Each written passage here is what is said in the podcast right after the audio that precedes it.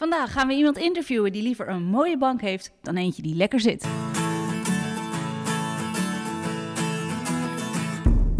Fijn dat je luistert naar de Ayurveda podcast en welkom bij het tweede seizoen.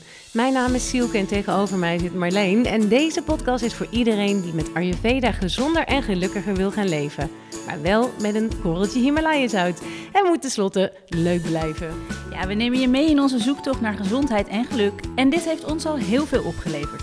Een cyclus die weg was en weer helemaal terug is. Ernstige slaapproblemen die opgelost zijn. Een gezond gewicht, beter humeur en veel minder last van een opgeblazen buik. Ik heb een fijne dagroutine te pakken en begrijp de mensen om me heen steeds beter. Ons doel met deze podcast is jou helpen begrijpen wat jij nodig hebt. Ja, want vaak kun je met simpele oplossingen fysiek en mentaal in balans komen. In deze podcast hoor je alles over Ayurveda. En vandaag hoor je alles over Nicole. In onze reeks Q en Ayurveda interviewen we inspirerende mensen over Ayurveda. En tegenover ons zit een prachtige verschijning, Nicole van Kempen van Veda. Welkom. Dankjewel, dankjewel. Super lief. Ja, na jaren werkzaam te zijn geweest in eh, veel, veel eisende banen en het starten van twee nieuwe bedrijven, weet eh, jij als geen ander hoe lastig het kan zijn om goed voor jezelf te zorgen. En uh, ja, je zit het liefst met je neus in de studieboeken als het gaat om voeding en het menselijk lichaam. En je hebt liever een mooie bank dan een exemplaar dat fijn zit. Een typisch voorbeeld van een pitta dosha. Precies, precies. Ja. Wat heb je voor bank? Ik heb een, uh, ik heb een, leren, een leren bank, een bruine. Een beetje, het, is, het is een compromis hoor. Ik had zelf dan toch weer een andere uitgekozen. Maar uh, een, beetje, een beetje stoere, een beetje stoere warme bank hebben we inderdaad wel. Um, ik was wel benieuwd, hoeveel invloed heeft Ayurveda op de inrichting van jouw huis? Best wel veel, stiekem eigenlijk. Dus ik ben me wel heel bewust van de, van de kwaliteiten eigenlijk, hè, waar je mee werkt in Ayurveda. En ik merk dat ik ondanks dat ik veel, veel vuur heb, uh, dat ik ook wel heel erg hou van het lichte en het zachte. Hè? Dus misschien ook niet heel vreemd. Hè? Je zou, ik ben heel erg van lichte beige kleuren, zachtheid. Weet je wel? Dat is ook wel. Ik heb veel pita, dus er zit veel vuur in. Het harde ook wat meer. Hè? Dus het, het staat echt wel voor het wat meer zachte. Is moeilijk samenwonen met een man en dan roze in je huis willen integreren. Dus het zit hem wat meer in de lichte kleuren. Maar uh, ik heb bijvoorbeeld ook een uh, groene muur, een donkerblauwe muur, dus echt verkoelende kleuren in mijn huis. Uh, dus je zal bij mij ook nooit een rode muur vinden of ik zal ook nooit een rode trui aandoen. Uh, rode lippenstift, tenzij het carnaval is, dan daar kan ik nog wel een uitzondering van maken. Maar ja, ik merk wel dat dat heel veel doet met, uh, ja, met het werken met kleur. En uh, onbewust is daar, ik heb daar destijds niet zo over nagedacht, maar daar toch wel stiekem rekening mee gehouden. Ja. Dat voelde je al aan. Um, in één of twee zinnen, waarom zou je mensen aanraden om aan Ayurveda te gaan doen? Omdat het, denk ik, Ayurveda het meest interessante is wat je kan leren, wat je kan studeren, waar je in kan verdiepen, omdat het gaat over jezelf. En het helpt heel erg inderdaad om jouw weg te vinden, om te vinden wat bij jou past en ook om anderen veel beter te begrijpen. Dus je, het helpt je echt heel erg inderdaad om te beseffen dat iedereen verschillend is, en ik merk dat ik daardoor ook heel anders naar andere mensen ben gaan kijken. En dat ik veel minder had van, oh, dit werkt voor mij, dus dat moet jij ook doen. Maar veel meer open, met een open blik naar anderen ben gaan kijken. En me ook ben gaan verdiepen in van, hè, wat, waarom doe je bepaalde dingen zoals je, zoals je ze doet. En dat vind ik wel heel mooi. Weet jij nog uh, wanneer je voor het eerst in aanraking kwam met Ayurveda? Ja, dat weet ik nog. Dat is inmiddels, denk ik, zes jaar geleden. Um, toen was ik op een yoga, soort van yoga vakantie in India. En daar hadden ze, dat was helemaal Ayurvedisch, dat wist ik toen niet. Ik was daar gewoon heen gegaan, dat het een super mooie plek was, aan het strand. En daar hadden ze dus allemaal Ayurvedische maaltijden, Ayurvedische massages. Dat was echt heel gaaf. En dat was ik eigenlijk een beetje vergeten. Tot ik een jaar later, ja, zo'n vijf jaar geleden, weet niet of ik helemaal goed heb gerekend, maar zo vijf jaar geleden inderdaad een workshop ging doen. Ik had destijds een horecazaak, een beetje koffiebarretje, een lunchzaakje. En ik wilde heel graag meer leren over voeding, dus ik las heel veel boeken, allemaal zelfhulpboeken. En ik weet de voedselzandlopen uh, destijds was een hele groot, was echt mijn yeah. begin van veel meer verdiepen in gezonde voeding. En ik heb van alles gedaan. Dus ik heb workshops uh, wekken en fermenteren gedaan. En toen kwam een workshop Ayurvedisch koken voorbij. Toen dacht ik, oh ja, maar wacht, Ayurveda, ja, daar heb ik een keer eerder iets van gehoord.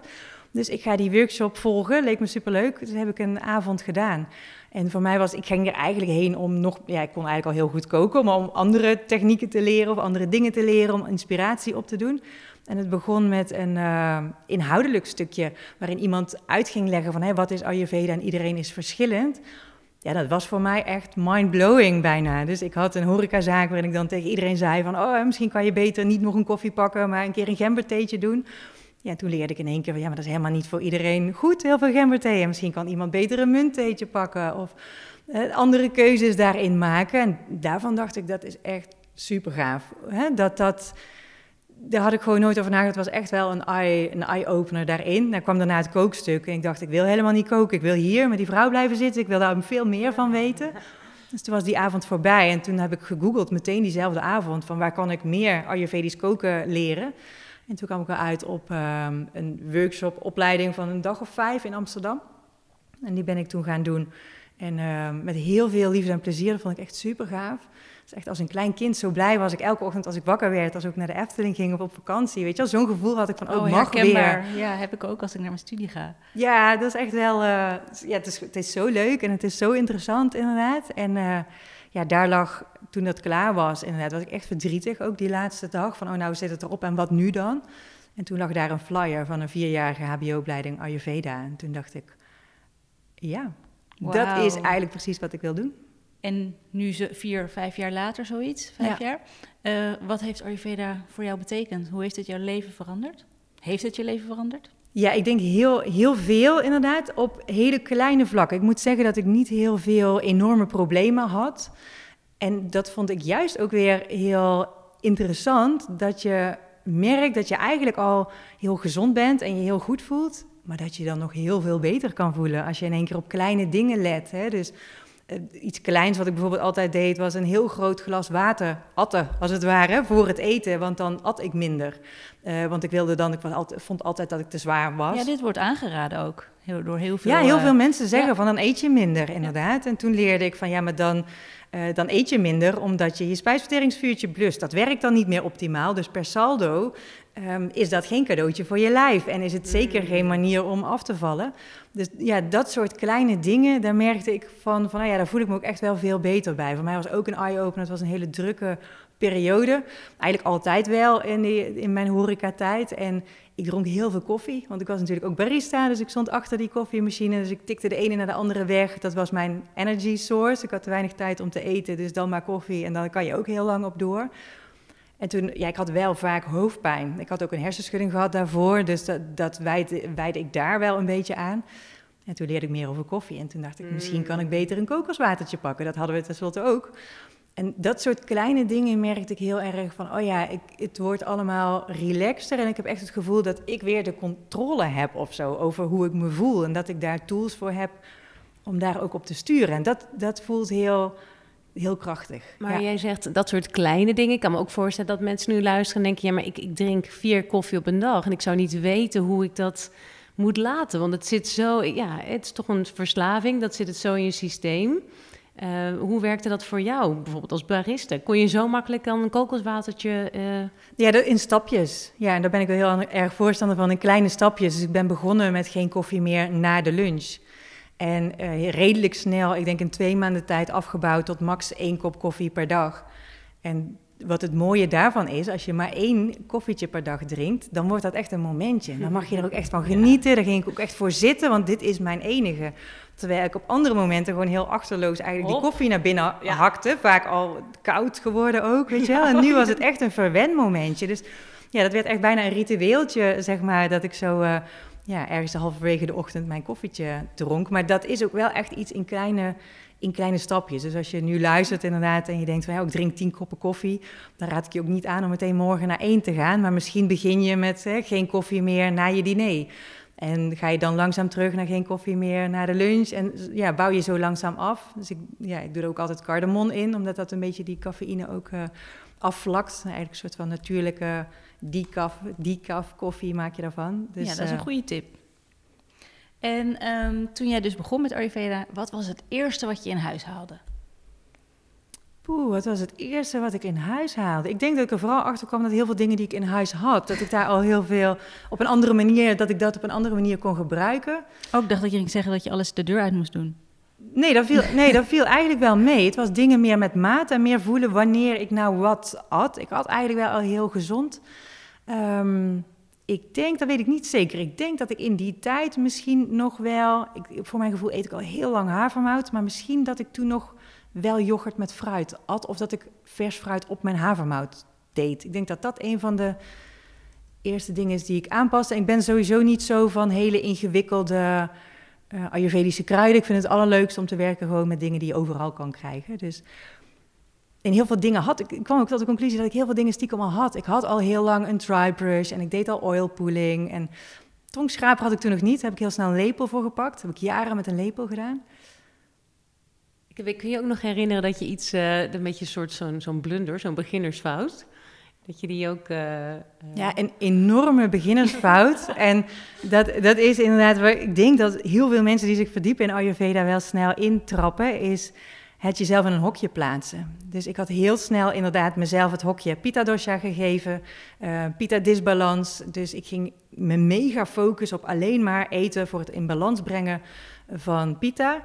En ik kwam er pas achter dat dat helemaal misging toen ik zo'n diepe kloven in mijn hielen had, dat ik daar s'nachts G op smeerde met vershoutfolie eromheen en ik niet meer goed naar het toilet kon. En ik, op dat moment zag ik het nog steeds niet. Toen ging ik terug naar degene waar ik die allereerste workshop heb gedaan, die allereerste Ayurveda-workshop. En zij zei, stop met eten voor pita, ga eten voor vata. En toen dacht ik... Minder vet ook natuurlijk, terwijl je dat waarschijnlijk dus wel heel erg nodig had. Ja. ja. dus dat heel erg. En daardoor ging juist inderdaad de, ja, vata helemaal uit balans. En wat ik toen dus deed, is, en dat is wel een hele grote valkuil in het begin, is helemaal blind staren op dat hokje waar je jezelf in zet. En niet stilstaan bij de eigenschappen die je observeert in je lichaam. Ja, dus rationeel ging je het benaderen, je voelde niet meer en oh, ja. interessant. Ja. dus dat vind ik ook heel interessant om mensen te leren. Van oké, nu heb je misschien jezelf die stempel gegeven, uh, Vata of Pita of Kapha, maar hoe voel je je nu echt? Hè? Voel je je licht, voel je je zwaar, voel je veel warmte? Wat zijn klachten die je ervaart? Daar iets meer los van, ja, iets meer los van te komen eigenlijk.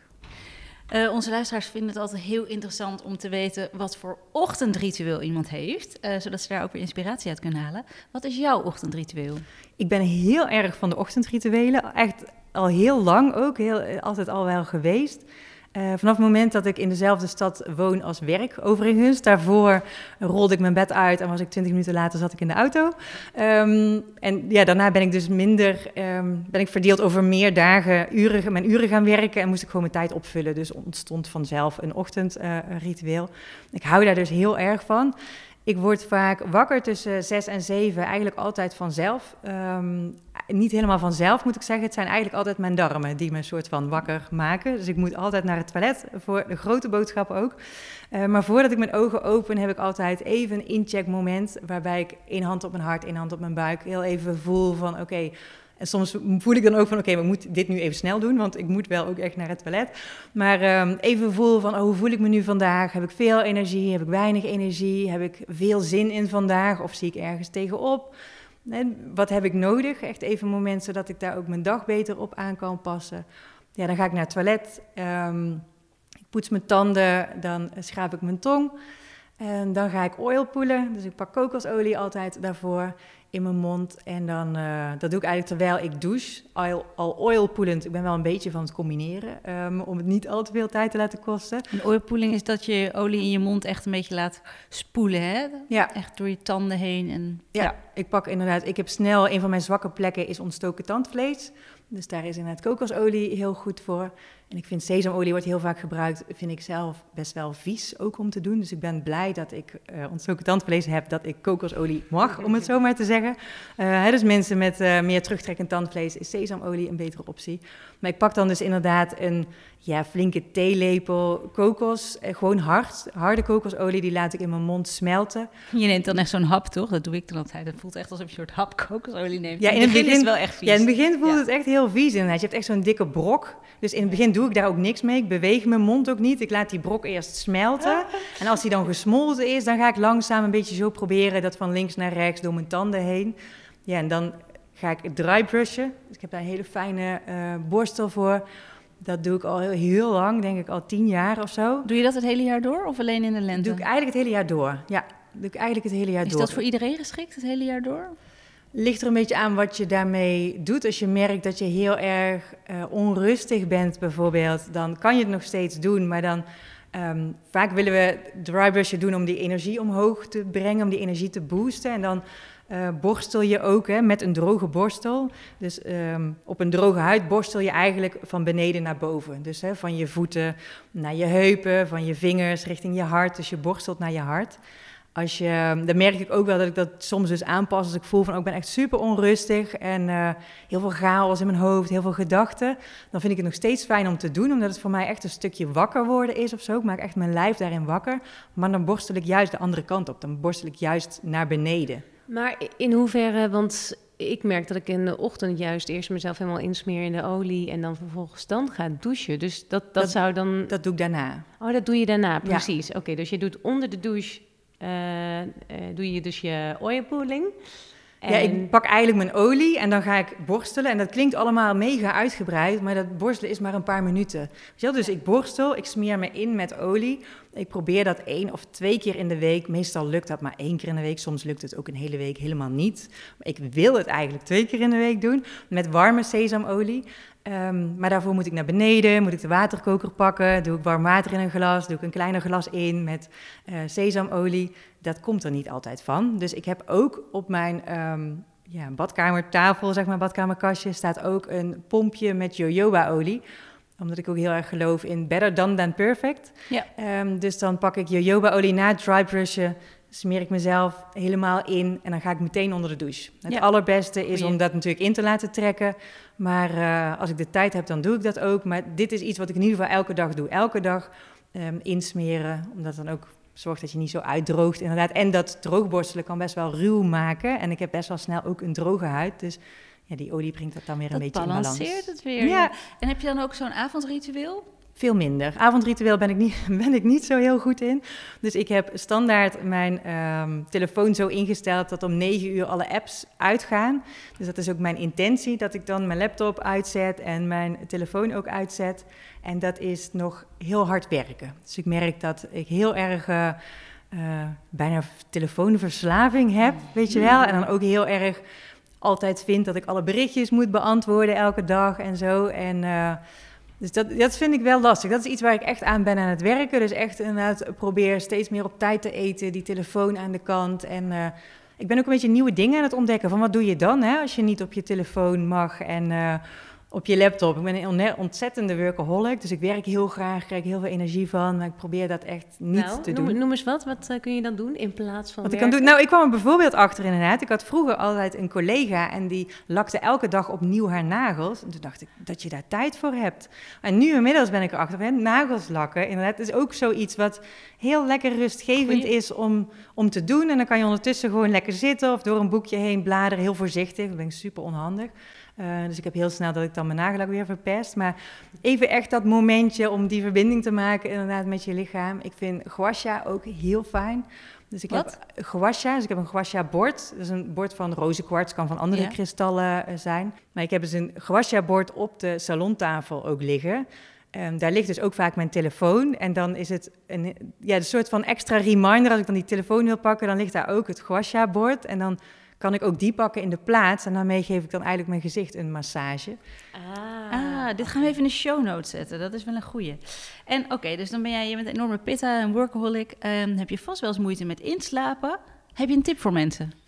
heb ik eigenlijk dan weer geen moeite mee. Dus dat is dan wel weer heel grappig. Ja. Heel af en toe, als ik echt heel erg in projecten zit waar ik ontzettend enthousiast over ben, dan kan dat nog wel eens een dingetje zijn. Maar eigenlijk is het zo dat ik iemand ben, het, mijn, mijn hoofd raakt mijn kussen en ik ben weg. Ehm, en als dat niet lukt, dat is echt heel, al heel af en toe, ik denk echt één keer in de maand of zo, dat dat niet zo lukt, dan vind ik het heel fijn om yoga nidra te doen. Dus om echt even die ontspanning op te zoeken en... ehm, Yoga en Ayurveda, die, die horen natuurlijk wel bij elkaar. Hoe ervaar jij dat? Ja, ik ben met allebei een beetje tegelijkertijd begonnen. Um, yoga Ayurveda zijn tegelijk in mijn leven uh, gekomen. Um, Ayurveda was overigens ook inderdaad dat ik me voor die opleiding had aangemeld. Was voor mij ook de vrijbrief om dan ook eindelijk die yoga teacher training te doen. Die wilde ik al heel lang, maar dat gunde ik mezelf niet. En omdat het nu ook ja, gelieerd was zeg maar, aan mijn nieuwe werk, mocht het wel. In Ayurveda gebruiken we yoga als tool op therapeutische basis natuurlijk om te werken met eigenschappen. Dus om juist inderdaad weer met tegenstellingen te werken. Dus als je heel zwaar voelt, dan kan je yoga lessen kiezen of houdingen kiezen die voor meer lichtheid zorgen. Als je heel onrustig zorgt weer voor grounding. Dus ik vind dat een hele mooie combinatie en ik verweef dat ook heel erg. Dus ik gebruik yoga als tool um, in Ayurveda, in mijn Ayurveda consult ook. Maar ik gebruik ook Ayurveda weer in mijn yoga lessen. Dus waar ik ook dingen leer over Ayurveda, of waarin ik mensen opties geef van hey, voel nou eens echt uh, in je lichaam wat je nodig hebt. En je kan voor optie A kiezen of misschien voor optie B, net wat jou in balans brengt. Ja, ik heb nu ook een paar yogalessen van jou gevolgd. Ze zijn heel fijn. En wat ik zo mooi vind, is dat jij tijdens de yogales uh, geef jij tips voor... oké, voel je dat je pitta een beetje uit balans is? Uh, doe maar even wat rustiger aan. Maar heb je, heb je kaffa wat nodig? Strek die benen even wat extra's. Dat is zo leuk. Echt uh, heel bijzonder. Ik ken die vorm van yoga helemaal niet, dat je dat zo benoemt. Ja, dat ken ik eigenlijk ook niet zo per se. Hè. Vaak is het als je daarin verdiept ook, dan vind je bepaalde houdingen zijn goed voor bepaalde dosha's. En ik heb eigenlijk zelf ervaren dat het veel subtieler is dan dat. Het gaat heel erg om waar leg jij de focus op. En wat, ja, wat ik vaak lastig vind als je gewoon een les volgt, je gaat naar een studio, je volgt een les, dan is dat één les, die is misschien voor 20 of voor 25 mensen. Dus wat ik heel veel doe, is in consults ook leren van hoe kan je nou die houding aanpassen.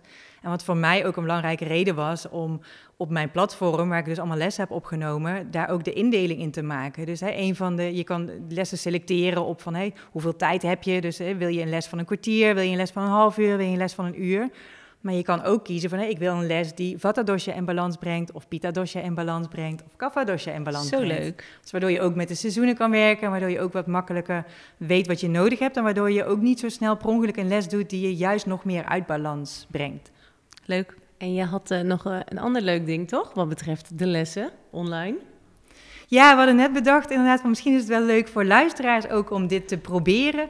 Dus um, hadden we bedacht dat jullie als een luisteraar 50% korting krijgen op uh, mijn, de eerste maand van je membership. Dus als je het leuk vindt om het te proberen, dan kan je voor 10 euro is het dan onbeperkt alle lessen doen. Volgens mij staan er nu iets van 40 lessen online. Eh, korte lessen, lange lessen, sommige ademhalingsoefeningen. En uh, variërend ook, dus er staan slow flow lessen op, dus wat actiever in beweging. Er staan yin yoga lessen op. En yoga nidra, yoga met nidra. haar stem. Ja. Dat is echt heel fijn hoor. Een speciale bedtime yin yoga lessen Ja, die hebben nog. gedaan hè, toen. Ja. ja. Uh, ja, gisteren gister, uh, bij het retreat waar we nu zijn, wat jij geeft, gaf jij ook een yoga nidra les. Die was ontzettend fijn. En die ging helemaal over het omarmen van je inner critic. Heb jij voor onze luisteraars 1, 2, 3 tips die um, ze kunnen gebruiken om die inner critic die echt iedereen heeft, dat weet ik zeker, om die te omarmen? Ja, die heb ik zeker. Die heb ik zeker. Ik heb zelf een enorme inner critic die heel luid schreeuwt altijd. Um, ja, een inner critic is voor de mensen die de term niet kennen, is dat stemmetje in je hoofd dat ja, eigenlijk altijd alleen maar negatieve dingen tegen je zegt, dat altijd wel iets vindt om kritiek op te leveren of om af te kraken. En wat ik daar zelf heel erg bij merkte, en dat kwam pas omhoog tijdens mijn yoga waar we daar heel veel aandacht aan besteden ook, dat um, ik dus heel snel geneigd ben, en dat is ook hoe ons brein werkt, je kiest altijd de bekende paden, dus je bent heel snel geneigd om iedere keer dezelfde dingen over jezelf te denken. En dat zijn dus heel vaak de dingen die gevoed worden door die inner critic. En wat voor mij dus heel, heel veel, een, heel erg een eye-opener was eigenlijk, is om die dingen eens op te schrijven van oké, wat zijn die dingen waar ik niet blij mee ben, die ik gewoon iedere keer maar blijf herhalen als ik in de spiegel kijk. En dan vervolgens ook een lijst te maken van allemaal dingen waar ik eigenlijk heel blij mee ben, waar ik misschien zelfs trots op ben of heel veel dankbaarheid voor voel. En dat zijn eigenlijk ja, soms misschien wel 80% van je eigenschappen waar je gewoon, tenminste in mijn, in mijn situatie, waar ik gewoon nooit bij stilsta. En door die lijst te maken werd ik me daar heel erg bewust van van, oh ja, misschien heeft mijn haar niet het volume wat ik zou willen, maar ik ben wel heel blij met mijn haarkleur bijvoorbeeld. Of... Maar er zijn vast mensen die nu denken, ik kan echt helemaal niks verzinnen. Ik vind niks mooi in mezelf. Ja, dat klopt. Ik hoor het veel. Ik hoorde het ook gisteren inderdaad van een van de deelnemers van het retreat. Die zei van ja, als ik dan een lijst moet maken van dingen die ik niet zo mooi vind aan mezelf, kom ik op heel veel uiterlijke dingen. En als het dan gaat om dingen die ik wel heel mooi vind aan mezelf, kom ik op veel meer karakter of innerlijke dingen. En dan nodig je echt uit om ook naar de dingen te kijken die je minder mooi vindt. Ik hoor het veel terug hoor. Iemand zei ook van ja, ik kan echt niks bedenken. Het, het kan zo klein zijn als de kleur van je ogen, de vorm van je nagels. Ja, Eh, en wat jij gisteren zei van een goeie. Eh, eh, dat, oh, als je stel je, ik heb hele dikke benen, maar die hebben me wel. eh, eh, eh, die brengen me de hele dag overal heen. Of ik Ja. heb. Eh, wat zei je nou weer? Je had nog zo'n mooi voorbeeld. Ja, het is ook het is je hart. Dus je denkt verder. Vind ik een heel mooi voorbeeld. Weet je, als je daarbij stilstaat dat je hart gemiddeld 70 keer per minuut klopt. En dat 24 uur per dag je hele leven lang. Ja. Ja, dat is eigenlijk gewoon magisch. En iets waar we nooit bij stilstaan, wat zo vanzelfsprekend is. Hè? Dat je kan zien, dat je kan horen, dat je kan ruiken, dat je kan lopen. Er zijn heel veel mensen die die, die, die dingen al niet hebben, bijvoorbeeld. Dus het Precies. zit hem heel veel van dat soort dingen. Nou is dat ook nog steeds functioneel, maar ja, hoe kan jij ook... En als je dat echt heel moeilijk vindt, als je echt niks kan bedenken... dan raad ik je aan, vraag mensen om je heen. Vraag mensen om je heen en zeg, ik vind dat heel moeilijk... om bij mezelf dingen te zien die ik mooi vind. Vraag aan je beste vriendin, vraag aan je, aan je ouders, aan je broer, aan je zus, aan je collega's... van hè, noem eens één of twee dingen die jij nou mooi vindt aan mij. Misschien dat dat Ja. dan nog een beetje kan helpen als je er zelf niet op komt. Goeie. Wat vind jij mooi aan jezelf? Ik? Ja. Ehm, oh, pff, jeetje. Ehm, eh, Moet je er ja, zo lang over ja, nee, dat, ja, ik, ik, heb er, wel- ik heb er dus echt nog nooit echt zo heel erg over nagedacht. Ehm, eh, ik vind, ja, ik heb best wel een beetje aderen over mijn handen lopen. Als ik, ik vraag wat je mooi vindt. Hè? ja, maar dat vind ik dus erg zo heel krachtig soms eruit zien. Want dan heb ik, Oh, wauw. ja, ik- dan, dan kijk, dan hier dit. Ja. En dat heeft mijn moeder ook. En dat doet me dus ook denken aan mijn moeder of zo, waardoor ik dat ergens heel erg bij me vind passen of zo. Oh, dat vind ik heel leuk. Vind ik een leuk antwoord. En jij dan? Ehm, ehm, ehm, mijn ogen. Ja. Mijn ogen. En, en, en, en jij, Nicole, wat vind je mooi aan jezelf? Ik, ik vind het heel grappig dat je dat zegt van die aders. Want dat is dus iets wat ik verschrikkelijk vind. Ik heb dat ook. Ik vind die aders verschrikkelijk. Dat is echt dus een ding ja, ik van dacht die ook inner dat ze dat ging zeggen. eerlijk. Ik vind dat ook heel cool. En ik, had, ik heb ook heel vaak van als, dan, als, dan, ehm, als ik een fotoshoot heb bijvoorbeeld. En dan, dan wil de fotograaf een, een detailfoto maken van mijn handen. Dan zeg ik altijd, doe maar niet, want ik ben geen handmodel, weet je wel. En ik had toevallig een hele tijd terug, had ik zo'n plant. En die heet volgens mij iets van olifantsoor Oh, of zo. Die heeft ook van die mega dikke aders. En toen keek ik naar die plant en toen dacht ik... waarom vind ik dat bij jou wel mooi en bij mezelf zo lelijk? waar? Ja, Cool. en nu jij het zegt van het is krachtig... Dat, ja, dan merk ik meteen van hé, dat stemmetje van mijn inner critic... dat wordt weer meteen een beetje, ehm beetje, een beetje gesust, zeg maar. En ja, ik vind, ik vind zelf mooi aan mezelf... ondanks dat mijn haar heel weinig volume heeft, vind ik zelf... eh, ben ik heel blij met mijn haarkleur, met dat het zo zacht is... Bijvoorbeeld ook inderdaad met de kleur van mijn ogen. Ik ben heel erg mijn moeder en de kleur van mijn ogen is een van de weinige dingen die van mijn vader afkomt qua uiterlijk. En ondanks dat ik mijn hele leven al vind dat ik vijf kilo te dik ben, ehm, dat blijft ook gewoon. Dus daar kan ik dan heel erg op focussen. Vind ik wel weer de verhouding van mijn lichaam heel goed. Weet je wel? De verhouding tussen eh, heupen, schouders, taille. En nou goed, ik, kan hier, ik heb hier dus heel veel mee geoefend. Ik kan hier nog heel lang over doorgaan. Maar ja, eh, je vertelt er ook leuk over. En wat ik van jou ook heel bijzonder vind, is dat jij zo open bent geweest over eh, het verwijderen van je siliconen. En dat je dat zo hebt gedeeld, ook op Instagram. En eh, ik ben gewoon heel benieuwd naar hoe lang is het geleden nu en, en hoe sta jij er nu in? Ja, ik heb 17 jaar geleden borstimplantaten genomen. Dat was dus een van de speerpunten van mijn inner critic. Was je bent zo plat als een deur en je bent niet vrouwelijk en allemaal dat soort dingen. Dus ik heb die 17 jaar geleden eh, genomen. Eh, daar ook best wel blij mee geweest, want eindelijk voelde ik dat ik normaal was, zeg maar, daarin. Ehm, ik merkte wel ook dat toen dat speerpunt was getackeld van die inner critic, toen waren er weer andere punten waar die focus op ging. Dus die die, inner- die blijft terugkomen. die Ja. blijft terugkomen. Daarvoor was het geen oplossing. En ik heb eh, in juli, dus de afgelopen zomer, zeg maar, heb ik die borstimplantaten laten verwijderen. Omdat ik eh, toen in contact kwam met mensen die eh, lijden aan breast implant illness. Het is een ziekte die je kan krijgen van siliconen. Siliconen, ze zeggen heel vaak, die lekken niet, die scheuren niet, maar ze zweten altijd. Hè? Dus als je siliconen, nieuwe siliconen in een bak met water legt, na drie uur zitten er allemaal siliconendeeltjes in die bak water. Wij bestaan voor 70% uit water, dus je kan nagaan wat Oei. dat doet Dus ehm, ik heb die eruit laten halen en dat heb ik dus gedaan omdat ik een post zag van iemand die ik ken die breast implant illness had. En ik had een paar kleine vage klachten en er zijn heel veel vrouwen die niet meer kunnen werken, al jaren thuis zitten, niet meer van de bank af kunnen. Er is zelfs één vrouw die is onlangs overleden, die heeft, ik dacht, twee armen en een been moeten amputeren omdat de doorbloeding soms helemaal uh, verstoord wordt. En het was voor mij zo'n eye-opener dat zij dat zo open deelde. En ik ben daar zo dankbaar voor dat mij al dat leed is bespaard, om het zo maar te zeggen. Dat ik op tijd ben geweest met die borstimplantaten verwijderen. Dat het soort als mijn plicht voelt om dat met zoveel mogelijk mensen te delen. Want al is er maar één iemand die ik kan behoeden om die borstimplantaten te pakken. Uh, emotioneert je, hè? ja. ja. Ik, vind, ik vind, er zijn zoveel vrouwen die daarmee struggelen. En wat ik inderdaad ook al heb, heb verteld gisteren um, in de sessie die we hier op het retreat deden. Heel vaak is er begrip wat ook heel mooi is. Hè? Dus als je echt een probleem hebt en je kan dat oplossen, dan is dat heel mooi dat je, dat, dat je die keuze hebt en dat je daar begrip voor voelt. En ik merkte ook dat ik van heel veel mensen begrip kreeg. Eigenlijk van iedereen begrip kreeg. En de enige die tegen mij zei van ja, je hebt dat helemaal niet nodig. Dat was de plastisch chirurg, vijf minuten voor de operatie. Ja, en dan ben je zo ver in een traject. Dan heb ik heel even getwijfeld. En toen dacht ik, nee, ik ga niet meer terug. En ik denk, als hij dat misschien een half jaar, of hè, ja, was dat misschien een paar maanden eerder met een intake had gehad. Ik had met iemand anders een intake gehad. Dan had ik dat misschien niet gedaan. Bijzonder, hè? Maar dit, dit vind ik wel ook... Dus de plastisch chirurg die jou de implantaten geeft... Ja. Ehm, buiten stormt het trouwens nu echt ontzettend. Dus als je nu zit te luisteren en denkt, wat hoor ik klapperen van deuren. Het stormt echt eh, gigantisch.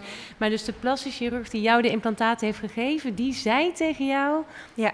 Maar ik, ik voel me dan bijna van, maar, waar, hè, maar waarom waarom doet hij dat dan ook? Ik, er komen zoveel vragen of zo in één keer. Ja, geen idee. Ik weet, hij keek me aan en hij zei: Je bent prachtig, je hebt het niet nodig. Het, het, het hoeft niet en toen heb ik er heel even over nagedacht en heb ik gezegd van ja, maar, maar, ja, maar ik wil het wel. Want het was, het was al zo, die beslissing was zo gemaakt in mijn hoofd inderdaad. Dus, dus ja, wat ik ook met dat delen probeer, probeer inderdaad dus ook uit te leggen van... Hey, mocht je heel erg ergens over twijfelen en denken van... Hey, ik wil dat anders, ik wil er iets aan doen... weet dat die inner critic wel weer een ander punt vindt.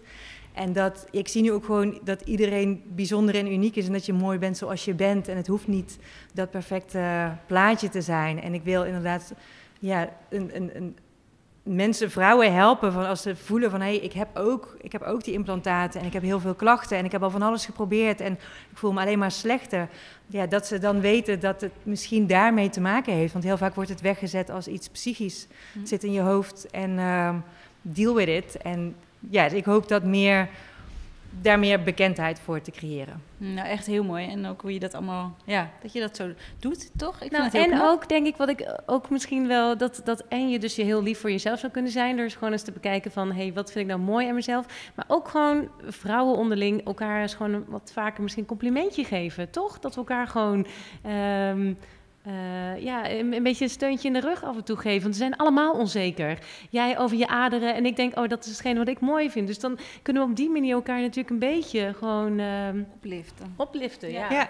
ja. en ook jezelf. Geef jezelf vooral een complimentje. Dus als ik nu in de spiegel kijk en ik merk van er komt weer zo'n stemmetje, dan denk ik meteen stop. En dan ga ik naar een van die punten die op mijn lijstje staat van daar ben ik blij mee. En dan ga ik daarop focussen. En dan geef ik mezelf een complimentje. En dat voelt heel awkward of zo in het begin. Maar hoe vaker je ook dat doet, hoe makkelijker het wordt. En ja, hoe, hoe je steeds relaxter wordt met jezelf. Even iets heel anders, hè. Wat is nou jouw guilty pleasure?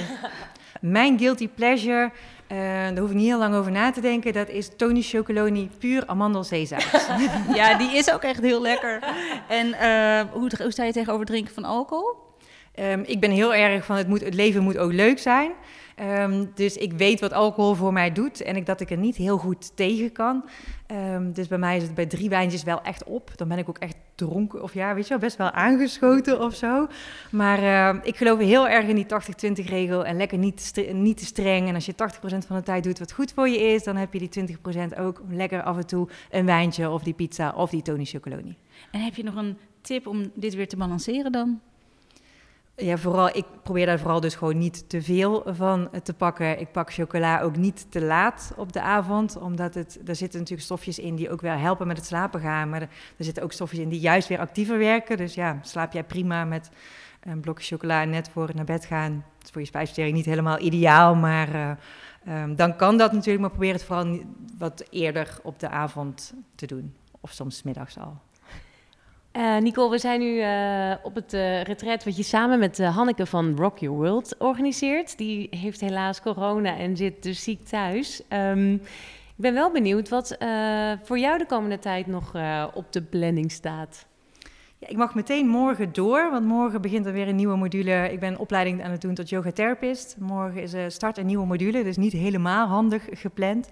Maar ik kon er allebei geen nee tegen zeggen. Dus dat is het eerste wat op de planning staat. En er zitten nog wel een aantal mooie projecten aan te komen. Dus ik heb toevallig net op de valreep voor het retreat nog mijn dosha-test gelanceerd. Daar heb ik heel lang over getwijfeld, doe ik het wel, doe ik het niet. Want het risico dat mensen in, zich in dat hokje stoppen.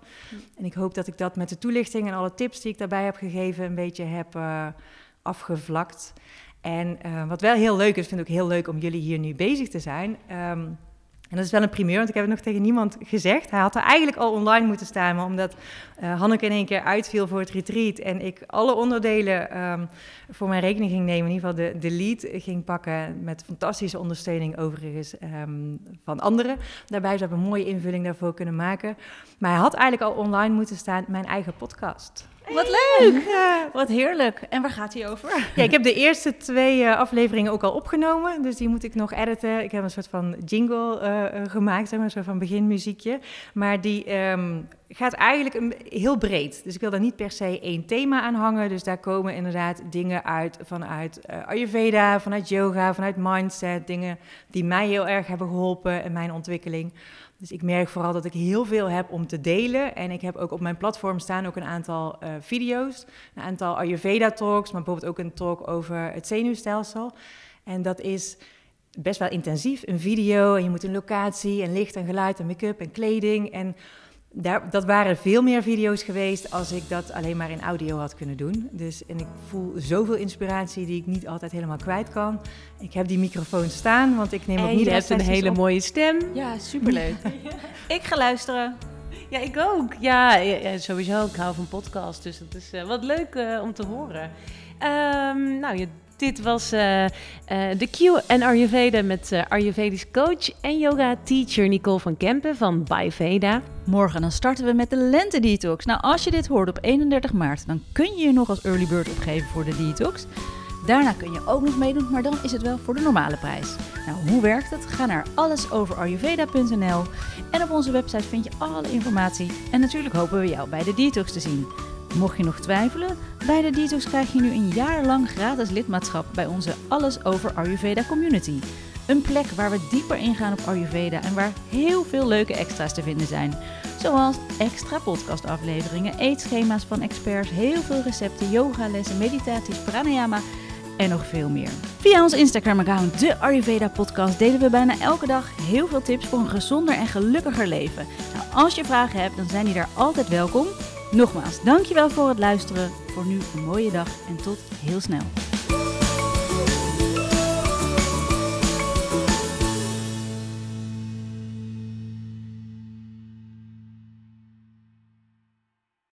Het kan best zijn dat je deze podcast luistert, maar dat ons aanbod al een beetje verouderd is. En ben je nou benieuwd wat ons huidige aanbod is? Zoals bijvoorbeeld onze cursus Start met Ayurveda, de Detox, de Masterclass of onze retreat? Ga dan naar allesoverayurveda.nl of ga naar ons Instagram-account, de Ayurveda Podcast, en klik dan even op de Linktree-pagina.